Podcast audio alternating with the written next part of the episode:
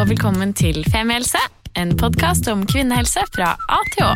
Og jeg heter Helene, Og jeg heter Sigrun. og vi har startet denne podkasten fordi vi mener at det bør snakkes mye mer om kvinnehelse. Så la oss snakke. Ja, hei. Hei, Sigrun. Hei. Hei. Jeg har med en gave til deg i dag. Har du? Mm, en digital gave som jeg ikke hadde tid til å sende til deg i forkant. Men jeg tok et bilde av våren. Mm, fordi jeg så krokus på veien bort hit. Altså, i Oslo. Vi var jo i Bergen forrige uke. Mm. Um, en vakker, vakker by. Mm. Men det er surt, ass. Det Det er vått og kaldt, det må det være lov å si. Altså, vi hadde vantet boblejakke og vrengt paraply hele de eller de tolv timene vi var der. Men det Bergen hadde, var jo faktisk vår Ja. for en uke siden. Og da lå de langt foran Oslo. Det er en helt annen f- Altså, det er et helt annet vekstmiljø der. Det er jo så øh, frodig og varmt. Og, eller mildt, da. Varmt er det ikke, men mildt og grønt. Så jeg, øh, jeg syns Bergen er så Det er så nesten som å gå i en regnskog. Ja, det er, Og for å få en regnskog så må du ha litt regn, da, ikke sant? det er akkurat det. Så nei, jeg gleder meg til vi skal tilbake igjen når sola skinner og vi kan dra og titte enda mer på rododendroene rundt omkring og åh, Da skal jeg ta deg med på arboretet. Ja. Men nå har jo Oslo tatt igjen. ja. Ja, Så jeg tenkte du ville bli glad for å høre det. Det jeg håpet at gaven skulle være til meg nå, var at du skulle vrenge av deg ullgenseren du sitter med. Som er den fineste genseren jeg noensinne har sett, Takk. og som du har laget selv. Ja. Vi skal legge ut bilde av den, fordi det er et kunststykke. Men altså, det er, jeg må faktisk få si at dette det, er, det har vært en jobb, altså. Ja, det ser Jeg har holdt på fire måneder med denne her. Jeg har eh, tatt opp hele og gjort den på nytt tre ganger. Fordi eh, jeg ikke ble fornøyd, og fordi jeg blingsa litt når jeg kjøpte den på nett fra Danmark og både glemte å regne om fra danske norske kroner og glemte at det ble tolv. Um, så Ja. verdien av denne både i arbeidstimer og i faktiske kroner er så høyt at den måtte bli ganske ok. Ja, men det er helt nydelig. Er helt nydelig. Men at jeg skulle vrenge den av meg og ikke ha noe under? Nei, gi den til meg. Og gi den til deg. Ja. det Sorry. Men jeg har faktisk vrengt av meg siden sist vi så hverandre, for jeg har vært i utdrikningslag i helgen. Ja. Um, Afterski-tema. Det er perfekt for deg. Du elsker jo afterski. Mm. Ja. Eh, så, men en ting jeg elsker, er jo kvinnekroppen, så jeg debuterte det hele eh, med å gå toppløs.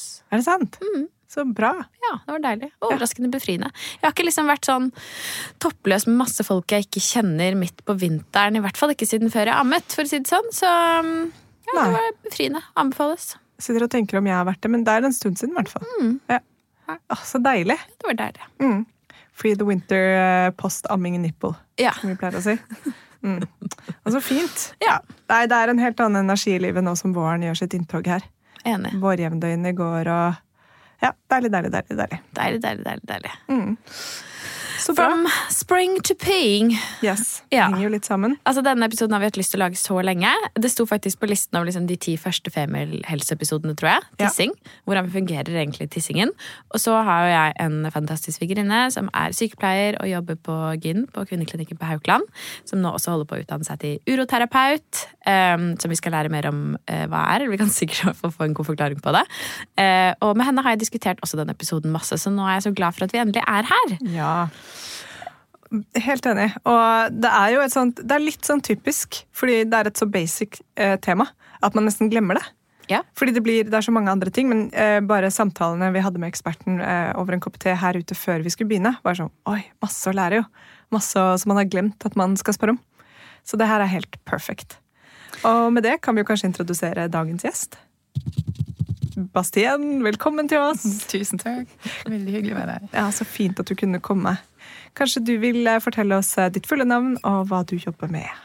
Ja, jeg heter Bastian Spalle Kalvorsen, og jeg er gynekolog. Akkurat nå jobber jeg på Aleris.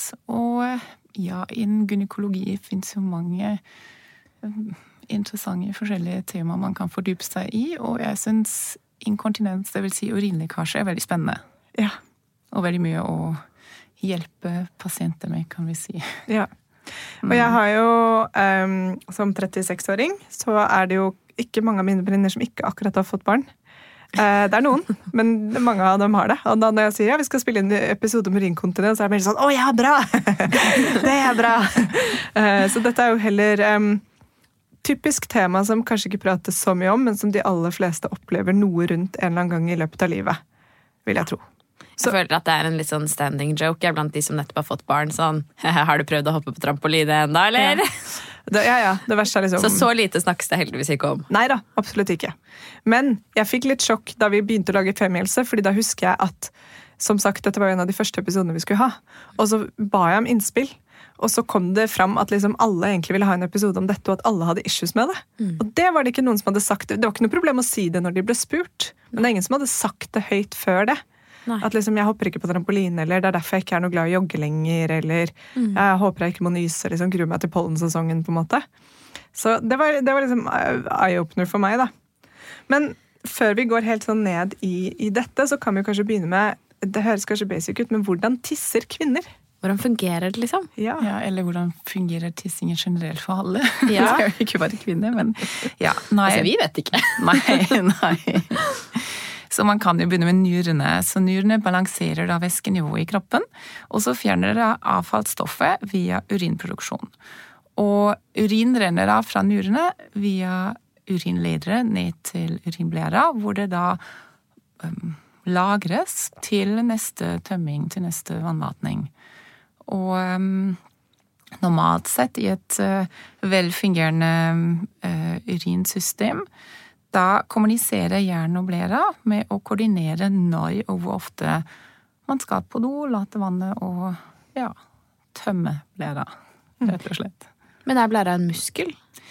Det kan du si. Så hvis du tenker på en ballong som da er på en måte også kan du si en beholder, bare få luft, på en måte. Men tenk på en ballong som kan da strekke seg ut og trekke seg sammen igjen. Og det er jo egentlig det samme, da, at man skal ha et visst volum eller et visst volum, vi kan si sånn. Alt som kommer inn, må ut. Så mengden man drikker, har jo litt å si hvor ofte man går på do, og hvor mye blæra kan eh, venne seg til å um, holde Kan man vende blæra seg til å holde mer? Ja, det er akkurat det. Så hvis man sier et normalt, eh, eller anbefalt væskevolum er 1,5-2 liter om dagen, da skal en helt normal blære kunne holde ca. 450 eller 400-500 ml væske, eller urin, um, før den skal tømmes. Men det er jo gradvis. Det er ikke sånn at da, nå er nivået nådd, og nå må jeg tisse nå.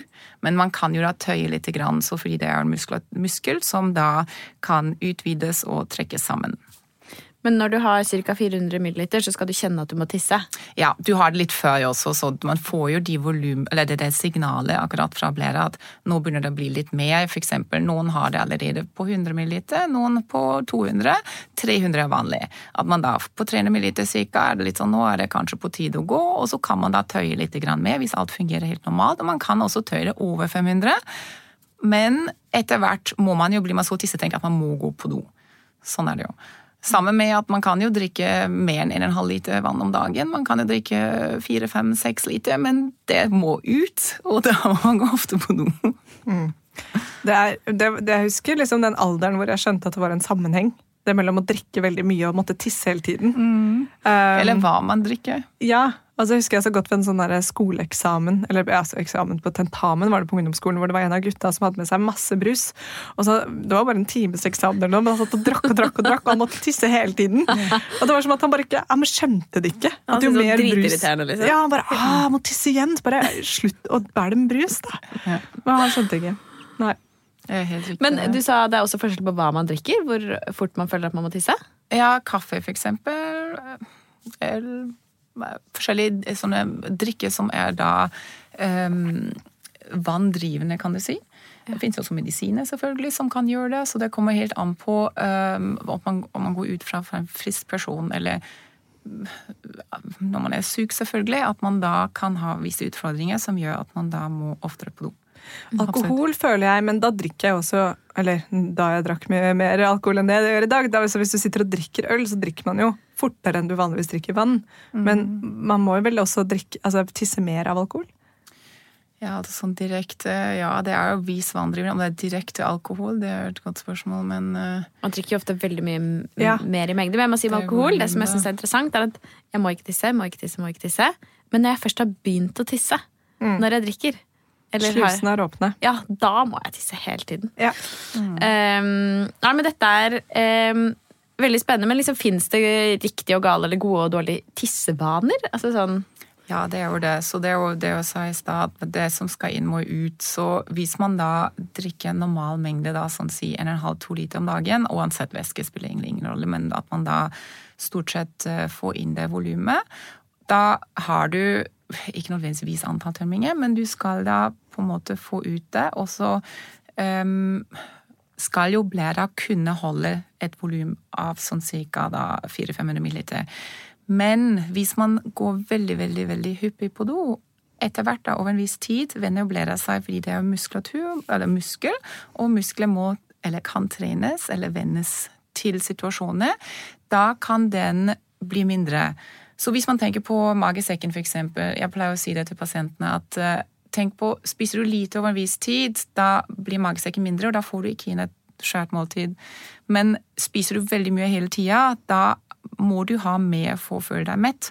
Samme her. Så hvis du da venner blæra til og har bare små volum, da må du veldig ofte på do. Da får du kanskje det der signalet på allerede 50 eller 50 er litt lite, men, men 100 milliliter, og så gir du etter, og hver, hver eneste gang du får litt sånn det signalet 'nå må jeg faktisk tømmes', går du på do. Nå mener jeg over en viss tid, ikke en vits gjør det et par ganger bare fordi du skal ut og gjøre noe, og så bare sjekke at blæra er tom, på en måte. Men hvis du gjør det over en viss periode, da venner blæra seg til det lille volumet, og da styrer plutselig blæra livet ditt. Så da er det sånn at du legger opp til hvor går jeg nå?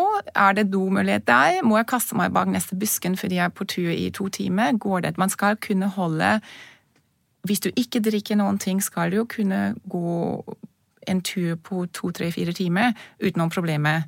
Drikker du masse under den underveis, da selvfølgelig akkurat som den brusen. Da må du på do. Men gjør du ikke det, da skal du jo kunne helt fint klare deg. Men hvis du da vender blæra til å ha i der minivolum, da må du på en måte holde på med noe som heter blæretrening, hvor du tøyer litt og litt og litt og litt og øker volum, og ikke gi etter når du får det der signalet 'nå skal jeg tømmes', 'nå skal jeg virkelig Du må løpe på do nå'. Så Ja, for jeg har hørt at det ikke er sunt å holde seg, men da er det en myte. Ja, Det kommer litt an på da, hvor lenge. da. Hvis du holder deg over det store volumet, da er du ikke greit, for da kan det gå motsatt. Da stretcher du den jo ut, og så blir det store volum. Da har du plutselig 700-900 ml, som er jo ikke normalt, i blæra, som kan også være ved nerveskade eller sykdommer eller etter fødsel, hvis det har vært noen som kalles da et traume, for det har jo skjedd noe, det har vært masse hivelse i det området der, og så blir nervene påvirket, og så kan da plutselig, eller operasjoner, har man hatt et kateter lenge liggende, da kan blæra plutselig bli strukket ut veldig, den der ballongen, og da kjenner man plutselig ikke, da forsvinner det signalet, nå må jeg tømmes, blir da ignorert på en måte, og da klarer man ikke helt å gi etter, men det går seg til stort sett, så da kan man da jobbe med å sette kateter for å da minske det volumet etter klokka, på en måte.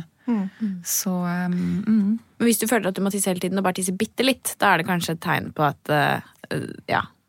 Ja, At helt man, riktig, for da kommer jo små volum, og det er jo det man gjør med pasienten også. Da. Og da hvis Ja. du sier at um, uroterapeuter er kjempeflinke til akkurat den utredningen, hvor man da det snakker man som sagt om blæretrening, det er jo da å få oversikt eller trene blæra til visse volum, eller da også sånne type eh, tester som man kan gjøre hjemme, eller få beskjed om når man skal til sånn utredning, hvis man først mistenker at det er noe galt med blæra um, eller med, med tissevanene, hvor man da rett og slett ser på det som skal inn, eller det, det pasienten drikker, skal skrives opp. Det pasienten da eh, tømmer når, eller tisser ut, skal skrives opp. Man sjekker med f.eks. bleie hvordan uh, ved trening eller ved eh, bevegelse, ved forskjellige eller I løpet av et døgn tester man da hva som kommer, den skal veies, hva som kommer i den bleia, eller som tisses ut ved siden av dobesøk. Og så får man en oversikt, og da kan man em, på en måte utrede mye nærmere hva slags type lekkasje det er. Ja. Men jeg tenker at en del av tissevaner handler jo også om hvordan man tisser. Um, kan du si noe om altså for sånn, hvis man har dårlig tid da, og presser ut tisset, er det dumt å gjøre det? det, det skader jo ikke blære hvis du gjør det her og der. Det er jo ikke sånn, Selvfølgelig er jo, er jo fint hvis blæra får tid å, å, tømme seg i det tempoet den trenger, på en måte, men det er ikke noe galt med det. Det er bare at du trenger da bukpress, rett og slett, mm. og for å kunne tømme blæra fortere. Ja. Men gjør du det alltid, da er det jo kanskje veldig mye press på lukkemuskelen. Men uh, stort sett pleier man å ikke gjøre det. Det gjør man jo gjerne i en stressituasjon. Ja. for jeg mm. føler jo at, eller det er i hvert fall noe jeg har hørt, da. Uh, dette at man skal ta seg tid til liksom tisse til man er ferdig. Ja, er og riktig. at det er sunt. Og og at hvis ikke så kan man også få det som kalles for stresset blære. Ja, litt sånn. Men, eh, og det andre er jo hva du sier, at man skal gjøre seg ferdig, er jo det at da får man kanskje ikke alt ut. For den har ikke falt ordentlig sammen, men har bare blitt skvist til et lite volum, hvor du da føler å ja, nå er det bedre, nå kan jeg jo slippe, da kommer det ikke noe mer. Men det har ikke trukket seg ordentlig sammen, og da blir det noe resturin som ligger der. Så, um, er det, det farlig? Det, det er ikke nødvendigvis farlig, men hvis du har resturin liggende, da har du et visst volum som det er det alltid, og da er det jo selvfølgelig bakterier som kan samle seg der, og det kan da forårsake en urinveisinfeksjon. Det skjer ikke når du gjør det én gang, men hvis du gjør det konstant, og du alltid har noe rest der, da må man jo sjekke. Mm. Ok, Så det er lurt å sitte til man føler seg ferdig, da. Ja, eh, og la måte blæra gjøre jobben selv. Men hvis du har dårlig tid av og til, så går det bra. Helt riktig. ja. ja, men um, Så bra. Men kan man få noen eh, Nå nevnte du jo urinveisinfeksjon. Kan man få noen andre plager eh, hvis man eh, ja, tisser feil? Enten både liksom med hvordan man gjør det, men også hvis man f.eks. tisser altfor ofte eller for sjeldent, eller Um, andre plager altså, Nå nevnte jo jeg litt sånn stresset blære. Er det, eh, er det, noe jeg har funnet på, eller er det noe som eksisterer? ja, altså da er det jo litt grann det igjen at man kanskje lar blæra styre livet. Og det skal jo egentlig ikke være sånn. Som sagt, blæra er en beholde som er det å få samle urin så vi ikke lekker konstant. for ellers har de bare rent ut hele tida. Og det skal du ikke. Nei. Og det skjer jo når man da f.eks. har noe um, problemer med lukkemuskelen, at man da lekker i situasjoner hvor man ikke vil lekke. Og en normal fungerende lukkemuskel, eller blære som skal holde den urinen, skal jo kunne tømmes når vi enten får det signalet for at det er fullt, på en måte, eller det er nok inni det, at det skal tømmes, eller at man da har mulighet og god på do og gjøre det. Ikke midt imellom, så det er jo ikke sånn det skal være, på en måte.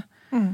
Så um, For nå er vi jo mm. litt inne på nettopp det sånn hva er en urinlekkasje? Men det er vel det du beskriver her. Det er akkurat det. Så, ja. så, det som egentlig skjer, hvis man først mistenker at det er noe uvanlig, det merker man jo etter hvert at her, det her Det kan være noe syklusrelatert, selvfølgelig, og hormonelle forandringer som gjør at man plutselig uh, midt i syklus, sånn cirka rundt eggløsning, føler at oi, hva, plutselig rakk jeg ikke doen, det var litt rart. Eller at det er mot menstruasjon, akkurat de dagene før, veldig gjerne at det plutselig blir litt litt mer vanskelig å holde kanskje helt til man kommer fram.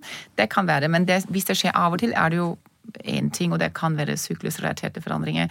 Det andre er jo hvis man plutselig merker at man da løper, nyser, hoster, får situasjoner, og det er da anstrengelseslekkasje, rett og slett, eller en stressinkontinens, og ikke stress fordi man stresser, men stress for blæra, på en måte. Mm. Fysisk anstrengelse, tunge løft, typisk sånne ting som kan da forårsake at den lukkemuskelen ikke holder, og da plutselig skvetter det, kanskje i form av dråper først, og så da litt mer.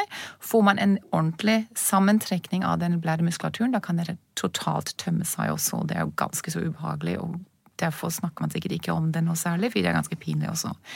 Og det andre er jo um, en urge, eller urgency, som er den trangen man får nå må, må, jeg tømmes, nå blir det da de det signalet, nå skal jeg på do, og man klarer ikke å holde igjen. Og da renner det plutselig. Og det kan være et sånt fint eksempel hvor man står med nøkkelen i handa foran, um, foran husdøra, på en måte, og så må i utgangspunktet ikke på do. Så det er ikke sånn at du har akkurat vært, men du må ikke nødvendigvis på do, og så vet du hun er rett innenfor, og da plutselig renner det. Mm -hmm. Og det er jo litt sånn Eller at du går et shoppingsenter, og så ser du bare noe, må egentlig ikke at du plutselig setter deg i gang, og du kan ikke holde det ut. Rekker omtrent ikke å komme fram.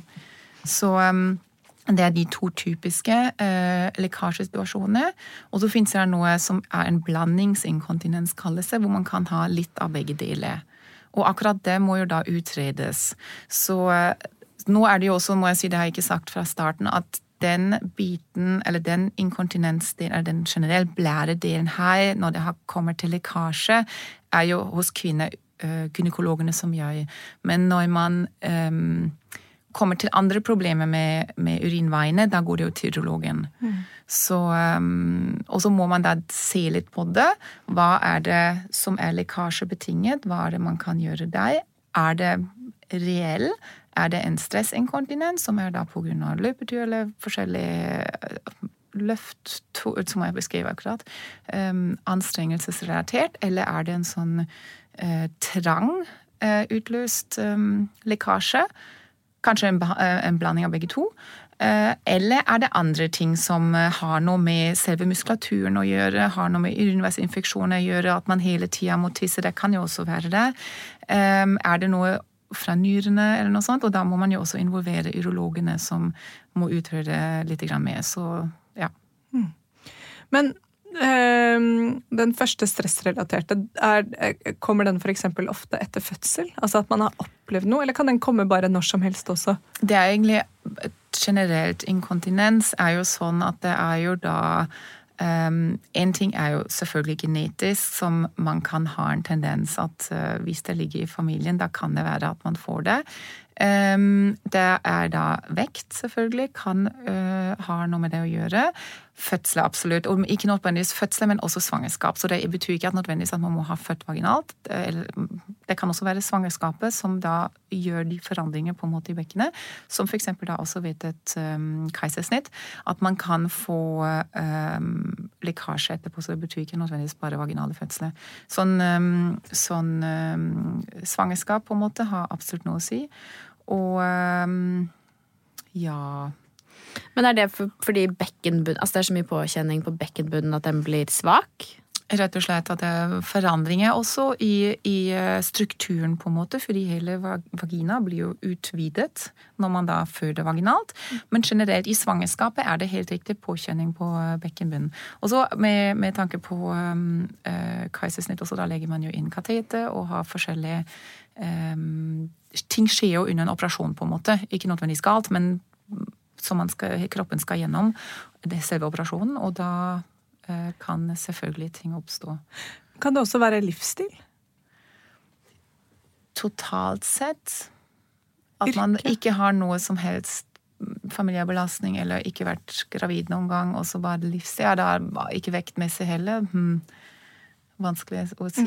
Mm. å si. Det vet jeg ikke. Mm. Ja, for vi snakket jo litt om det hvis det, man har en jobb hvor man løfter tungt oh, ja, sånn, ja. eller står mye. Ja, ja liksom. sånn livsstil, ja, skjønner. Um, det er jo ja, Jeg skjønner hva du mener nå, at det var sånn livsstil at du røyker og, og, Eller hvordan du ikke gjør det, men jeg skjønner. ja, jeg mente ja, ja, ja, svaret på sånn, de hvordan, hvordan livet er. Ja, helt klart, absolutt. Hvis du da har en jobb f.eks. hvor du løfter kjempetungt, og, eller eller holder på med uh, i kjøleskapet, på en måte, i kalde, kalde mm. områder. Så det, man kan jo lettere få urinveisinfeksjoner. Man kan selvfølgelig um, Står du mye på jobb, og alt på, er jo påkjenning på en måte for kroppen. Og jeg hadde så også en jobbperiode hvor uh, det kunne være så back-to-back-møter at jeg ikke rakk å tisse imellom.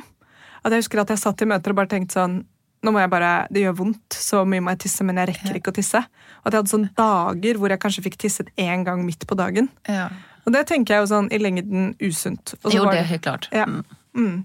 Men så hadde jeg selvfølgelig én sånn dag annenhver uke, så det var jo ikke sånn at jeg hadde det hver dag. Men mm. jeg kan tenke meg at hvis du har det sånn hver dag, mm. eh, at du jobber for på et sykehus hvor du løper mye og kanskje ikke får tid til å liksom, ta de ordentlige pausene, jeg har jo sett en del uh, eksempler på det i media nå under korona. Men uh, vet du hvor vanlig det er, altså sånn prosentmessig av kvinner som føder barn, da, som opplever urinlekkasjer i etterkant? Jeg har ikke noe prosent nå, det må jeg bare si. Nei. Det burde jeg sikkert sjekke. Er det vanlig? Det er, jo, det er jo veldig vanlig. Sånn etter fødselen er det jo absolutt Da jo, kan jo alt av eh, det ene året lekkasje, men med kanskje at man har problemer med å tisse i etterkant. Um, litt mer vanlig fordi at eh, Eller hele, man må tenke at eh, hele svangerskapet, fødselen og etterpå hele denne ammeperioden er jo ikke bare en påkjenning for kroppen, men også hormonell en forandring. Til man kommer tilbake til eh, en normal hormonell situasjon, kan du si, hvor man kommer tilbake til sin syklus, eller mm, om man tar prevensjon eller hva man nå gjør, da, men at man kommer tilbake til det man var før. Så i utgangspunktet, um, ja, absolutt. Det er jo veldig mye mer vanlig, eller veldig vanlig å få noe sånt. Mm. Um, Prosent har jeg ikke akkurat nå, det er jo Nei. sikkert noen som ikke opplever det. Men uh, at man føler at ikke ting er helt Eller når det kommer til vannlatning, da, at det er ikke det som var før etter fødselen, er absolutt sånn. Og så kan man da begynne å trene. Som sagt, man må da begynne å utrede. Starten er alltid bekkenbunnstrening, og det er veldig veldig bra å starte i svangerskapet allerede. Og um, da fortsette så fort man føler man har kontakt med bekkenbunnen, for det er ikke så veldig lett å kjenne rett etter en fødsel. Det er veldig anbefalt å gjøre det omtrent når du er ferdig med fødselen, men ikke så veldig lett. Så, uh, så fort man har mulighet til det, burde man starte med de bekkenbunnsøvelsene. Og så da se at når man da etter hvert begynner å trene litt, det gjør man jo ikke helt i starten heller, um, at man da få kontakt igjen, på en måte, og se om det går seg til. Og hvis det ikke går seg til, da må jeg si absolutt. Da er det bare å oppsøke rett og slett eh, om man gjør det via fastlegen, via um, jeg vet ikke, direkte til en gynekolog, det er kanskje ikke så veldig lett, men det kan man jo Man burde utredes hvis man føler at uh, ting er ikke som de var i. Og da er det da veldig bra med en uroterapeut Eh, som kan da sjekke hvilken type Eller kan, man kan si sånn, man prøver å bevise at det er f.eks. en stresslekkasje med å eh, sette inn væske i blæra og la pasientene hoppe og sprette og hoste og styre med akkurat det, for da se det her var først hjemme, den testen med bleievaiing og alt det der ja, du har en lekkasje her, men er det også under de situasjonene hvor pasienten også kan være ganske stresset, og det er ikke alltid at man får det rett ut, men da kan man også repetere. Og så da se på denne hopp og sprett-testen, stresstest, om eh, de virkelig rekker. Mm. Og hvis det er sånn, da er det absolutt eh, noe man burde behandle. Og da fins jo da um, måter som Eh, ehm, Det kommer litt an på hvilken lekkasje man har. da. Har man en stressinkontinens, da kan man gå videre enten med injeksjoner, hvor man setter eh, et sånn gel som eh, på en måte inn i slimhinnen i urinrøret. Um, og som skal hjelpe å støtte den uh, lukkemuskelen, på en måte. Og, um, eller man kan sette en slynge som, um, som en sånn uh, på en måte som en liten hengekøye som man kan legge under urinrøret for å støtte når man trenger det. Og, men det er veldig viktig å gjøre det her når man virkelig har en lekkasje. Gjør man det for tidlig, da blir man tett. Da er det ja. motsatte. Da sitter du med kateter og må prøve å få ut den urinen, eller man må klippe det opp igjen, og det er jo ikke det man skal. Så når man virkelig lekker, da er det veldig lurt med det. Så um, det andre er jo hvis man har den type um, trang, eller sånn urge inkontinens, da er det tabletter rett og slett som hjelper, som virker da på blæremuskulaturen for å slappe av blæra litt mer i den lagringsfasen hvor urinen skal ligge der, så man ikke får de der irritasjons... det der trange Eller man får det trange, men ikke sånn at man må løpe, så at du får signalet, men ikke det tissetrang, på en måte. Og det fungerer veldig bra hos de pasientene som har det. Og noen må ta begge deler. Og hos noen tar det litt tid. Da må man først si ok, da prøver vi med bekkemunnstrening i første omgang. Se hvor langt du kommer med det. Fordi man har alltid effekt av det, men spørs om man klarer å ha nok effekt. Man kan prøve med vaginalinnlegg, også som eh, tips. Det går an å bare bruke en tampong uten at man har mensen, eller det fins noen sånne mm, andre vaginalinnlegg som man kan prøve, som da støtter på en måte urinrøret um, under, litt sånn som den operasjonen man hadde gjort. Um, og kan f.eks. teste det ut på en løpetur og bare si ok, nå setter jeg det inn, det kan jeg fjerne når som helst, det stopper ingenting ellers, men se om det gir nok støtte når man da f.eks. går på tur eller skal ut og danse og er redd for at man lekker. Mm. Mm. Ok, Så det finnes både høyterskel og lavterskeltilbud, da. Mm. Og oppsummert så høres det ut som at hvis du liksom ikke har det bra i tisselivet ditt, så oppsøk hjelp, for da er det hjelp å få. Absolutt, og det er virkelig ikke og det, Jeg vet at det er ikke noe gøy å snakke med familie eller venner om det, men det er virkelig Man kan virkelig få hjelp, og det er ikke gøy å gå med noe sånt. Nei. Og Vi var så vidt innom det før vi kom innom disse to formene for lekkasje. og Det var nettopp dette med det hormonelle, at det endrer seg i syklus også. Altså, eller at eh, urinstrålen og, og lekkasjen kan endre seg. Hva er årsaken til det? Nei, det er jo da de, akkurat det hormonelle igjen, at eh, vi er jo veldig påvirket av eh, vår syklus som kvinne. Og um, da kan man si at det er Merker man på, på utflod i løpet av en syklus, merker man på humøret, også da selvfølgelig hvordan man lagrer vann i kroppen, og også hvordan man kvitter seg med vann igjen, sånn generelt. Og da er det jo sånn at det skjer ting rundt eggløsning og rundt mensen. Og spesielt da midt imellom er man gjerne mye bedre. og det er jo da sånn kortvarig midt imellom. Men, men det er, er sånn, det, er, det, det hormonelle nøyaktig kan jeg ikke svare på det, men det er helt klart. Og det er også det med strålen helt riktig, at den kanskje er ikke like, uten at man presser nødvendigvis, men ikke like sterk kanskje, eller mye sterkere. Eller ja. Veldig interessant at du sier, fordi jeg har noen ganger hvor jeg tisser og jeg tenker sånn Wow! Nå var det ordentlig trykk her, liksom. Og jeg blir, sånn, jeg blir nesten litt imponert over ja. kroppens evne til å virkelig tisse ut, liksom. Og så er det andre ganger hvor det bare pipler. Ja. Så hm, interessant. Eh, og det var jo et av spørsmålene som har kommet inn her. Det har jo faktisk kommet inn ganske mange spørsmål når det kommer til dette her, så det er eh, åpenbart mange som er opptatt av dette her. Um, det er også noen ehm, som lurer på dette med urinretensjon. Der er jo en liten personlig interesse, selvfølgelig, for jeg har hatt det selv, men som lurer på om du kan bare si litt om det. Ja, Urinretensjon er jo da det motsatte av inkontinens eller lekkasje. Hvor da, eh, som jeg nevnte litt i stad, hvis du tenker en ballong, og den blir stretched ut, eller den blir veldig, veldig stor, og etter hvert klarer da eh, de signalene ikke kommer tilbake, på en måte, at man da Eller at eh, på en måte blæra klar. den muskulaturen er så utstrukket at den ikke klarer å trekke seg sammen. Og da så slarkete blære, liksom. ja, det blir veldig slakk, helt riktig. Ja. Og så klarer den da, da blir den større og større og større, og til slutt føler man ikke lenger at man rett og slett har en kjempeskjær blære der. Og på et eller annet tidspunkt må det jo gi etter, da. Det må jo komme noe ut, men den muskulaturen klarer ikke å trekke seg sammen ordentlig. Så da kommer det gjerne sånne skvett jeg kaller en overflow-blære. Hvor det er bare, hvis du tenker på en sånn eh, bøtte som er fullt med vann, til slutt renner det bare på toppen litt over. Litt og litt og litt. Den tømmer seg ikke helt. Men akkurat det som renner det over på sidene, er jo det som er det overflowet, da, hvor man tenker å ja, nå har jeg vært på do. Det kommer ikke mye merkelig. Men det er jo masse der. Og gjerne, det er jo gjerne etter eksempel etter fødselen, fordi det har vært, som, som jeg sa i stad, sånn masse Det er jo et traume, kan du si.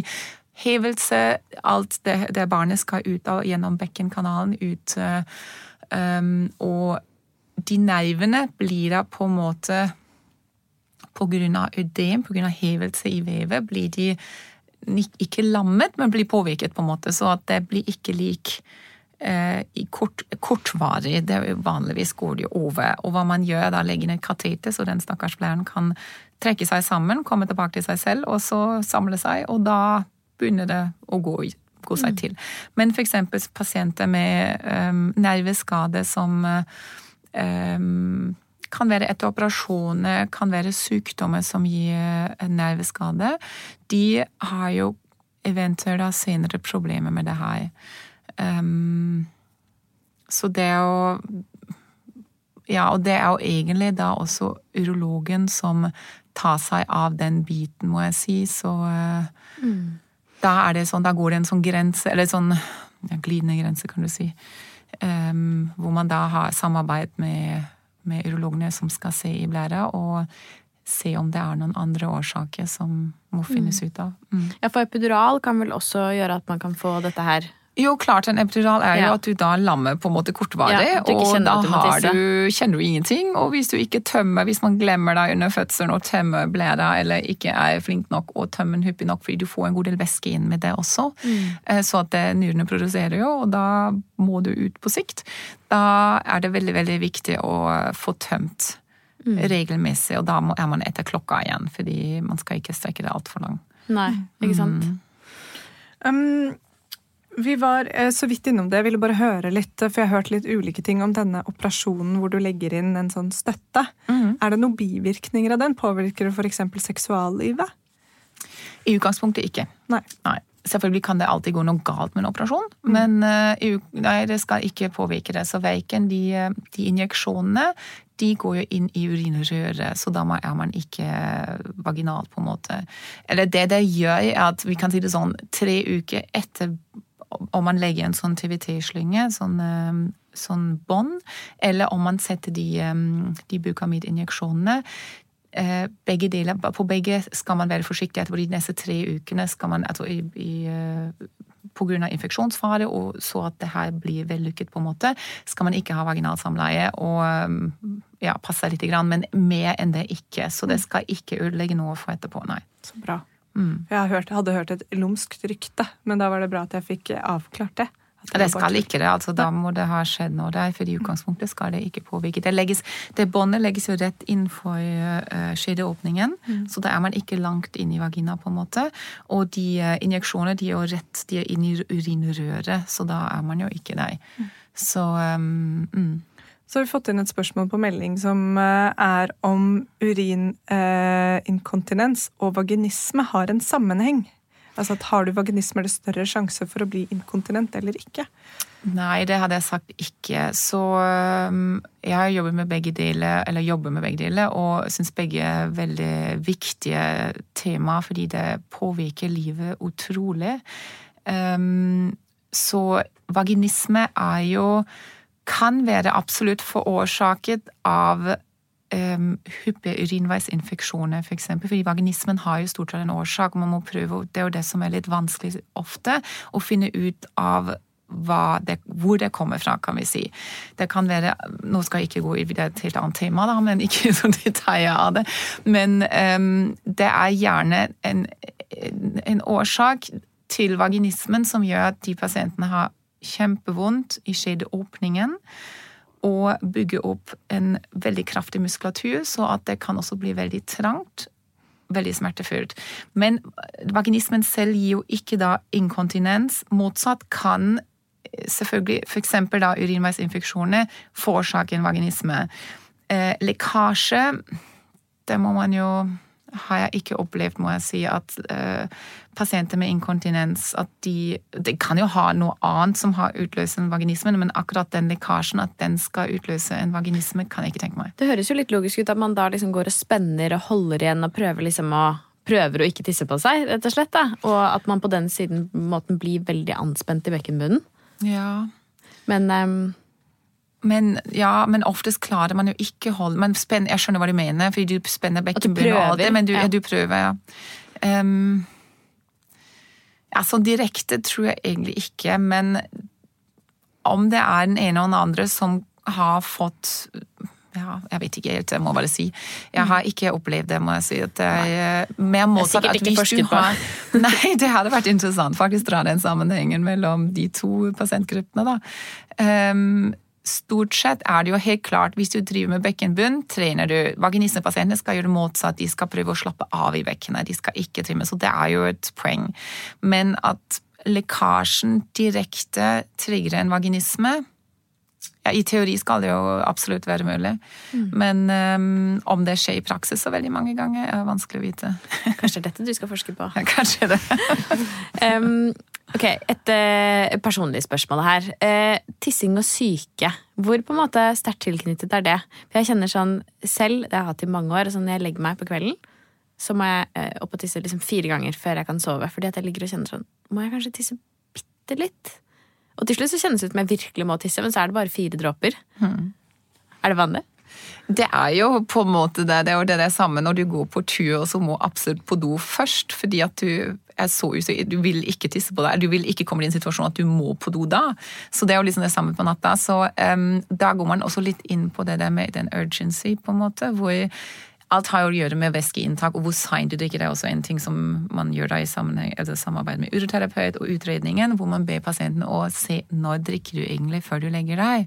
Fordi at eh, hvis du selvfølgelig tømmer en liter vann eh, klokka elleve og legger deg kvart over elleve, da er det klart at det må ut. Ja. Og spørs hvor lenge du klarer å holde det da til, til morgenen. Noen gjør jo det, men det er jo ikke alle. Så um... Jeg bare syns det er fascinerende at kroppen sier 'jeg må tisse'. At liksom den følelsen er det er der. vanesak. Og så er det ingenting der? Eller Nei, sånn det er en Du må jobbe hardt for det. Ja, det er akkurat det. Så da hvis du slutter å drikke på et eller annet tidspunkt også, automatisk Ja, nei, ja, jeg slutter å drikke tidlig, så det er på en måte bare psykisk at jeg ligger sånn og Mm, Det er det, og da har sånn- du den vanesaken igjen, da, at du har vent deg til å alltid Selvfølgelig går man på do før man legger seg, men eh, så man skal også på do etter samleie, fordi det forebygger at man får infeksjoner. Bare for å skylle ut systemet. Det er jo hele greia her, at man skyller ut, så at da kan du forebygge å få noe. Men, eh, men å eh, Ja.